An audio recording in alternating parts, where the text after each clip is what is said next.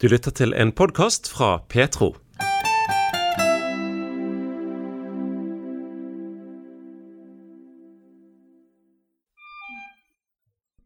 Da var det kunder.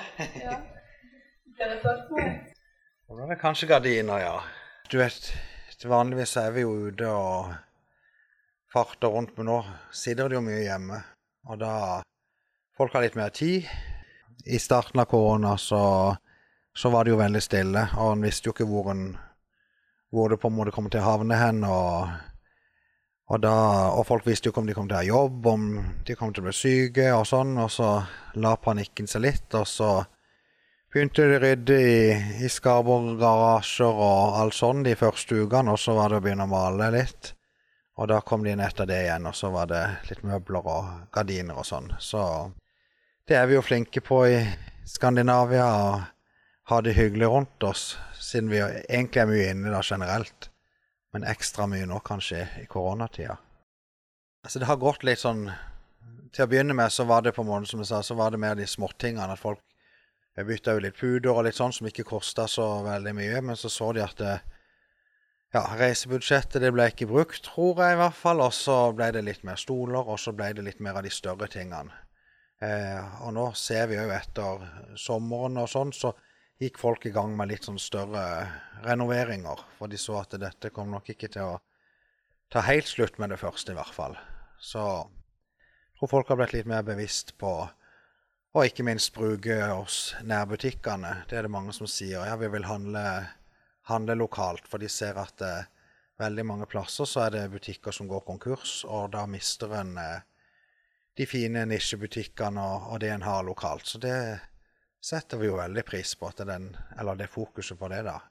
Så er det jo bekymringer ja, måned for måned. Eller sånn, det er jo OK, klarer vi det denne måneden? Men så ser vi jo at ikke det hjelper å bekymre, for egentlig så Gud er med i det, og det, det går måned for måned.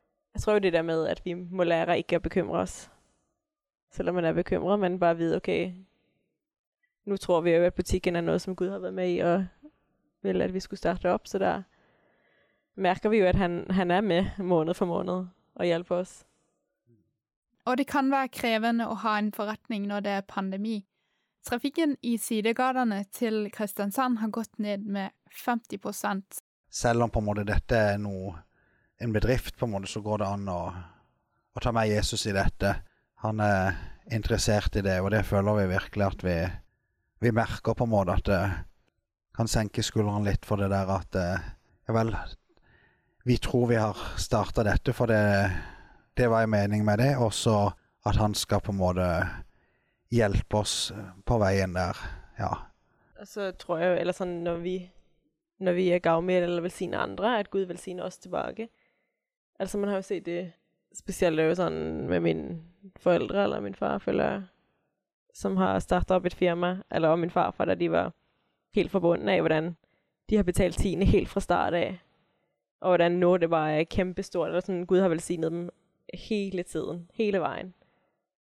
Så det har jo vært veldig veldig mye kunder. I hvert fall i sommer var det jo veldig mange som var nordmenn. Normalt pleier det jo å være De pleier å reise bort, men nå er de i Kristiansand. Og ja, altså øh, Det ønsker vi jo hele året, men spesielt i jula så er kanskje folk ekstra åpne. Og det har vi merka her når vi bare med musikk og julemusikk og sånne ting. Det ble liksom enda lettere på en måte å komme i kontakt med folk. Og en er litt bevisst hva vi, hva vi spiller, og hva vi ønsker å formidle her.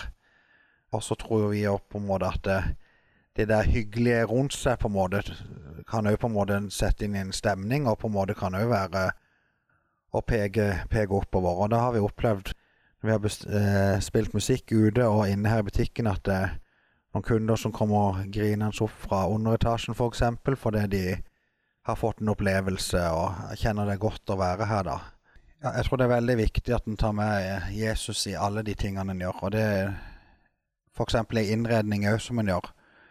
Eh, så er det jo alltid spennende på en måte å se ja, blir det sånn som en ønsker. Blir det, blir det det hyggelige en ønsker å skape her, eller får en fram det beste i, i rommet, da? Og da tenker jeg at en kan ta med Jesus på det òg. Uh, han er enda mer kreativ enn en det vi er, og han kan tingene enda bedre. Om Camilla skal ta bilder, så kan han be om hans Altså, nå må du gjøre meg ekstra kreativ her, eller hvordan skal jeg gjøre dette, eller hvordan skal jeg løse denne oppgaven, eller Det kan være de bitte små tingene, som tror han ser oss alle våre små, eh, små ting, på en måte, så tror jeg han er interessert i det. At vi kan få lov å ta han med på laget og invitere han inn til det.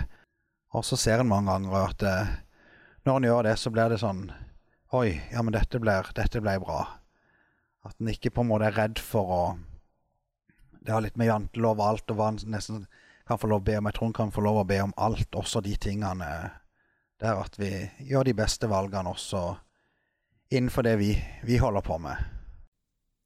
Du har lyttet til en podkast fra Petro. Du finner flere podkaster og nettradioen vår på petro.no.